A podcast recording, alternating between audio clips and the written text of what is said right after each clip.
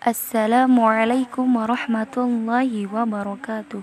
في هذه الفرصة الثامنة سأقدم لكم عن الشباب.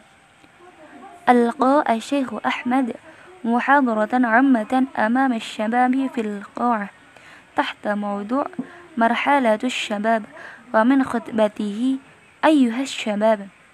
أنتم الآن بلغتم مرحلة الشباب وهي مرحلة بعد الطفولة.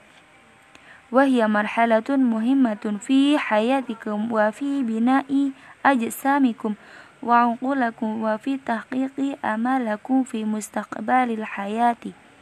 تنمو أجسامكم في هذه المرحلة نموا كاملا فيحسن بكم أن تأكلوا الطعام الطيب وتتمرنوا بالرياضة البدنية منظمة.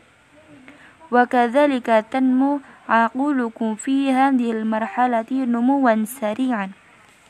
لابد لكم أن تنظموا أعمالكم في حياتكم وتقسموا أوقاتكم بين العمل والراحة وبين الرياضة والدراسة. ولا تقضوا أوقاتكم بطول السهار وغير ذلك من الأعمال غير النافعة لمستقبل حياتكم. قال الشيخ مصطفى الغلايين في كتابه موعظة الناشئين. يا معشر الناشئين أنتم شبان اليوم ورجال الغد. إن في أيديكم أمر الأمة وفي أقدامهم حياتها لذا. يجب عليهم أن يطلبوا العلوم نافعة ويعلموا الأعمال الصالحة ويتخلقوا بأخلاق الكريمة. ويجب على الشباب أن يملكوا أمالا رفيعة في مستقبل الحياة.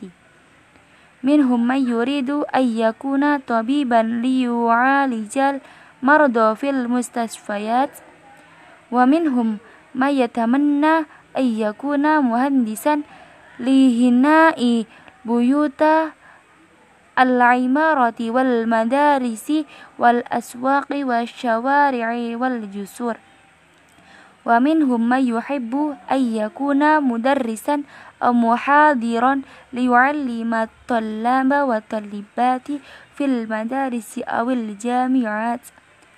ومنهم من يتمنى أن يكون صحافيا لكتابة مشكلات المجتمع والمراهقين. والآخر يفضل أن يكمل دراسته في جامعة دينية ليكون داعيا مشهورا للإسلام.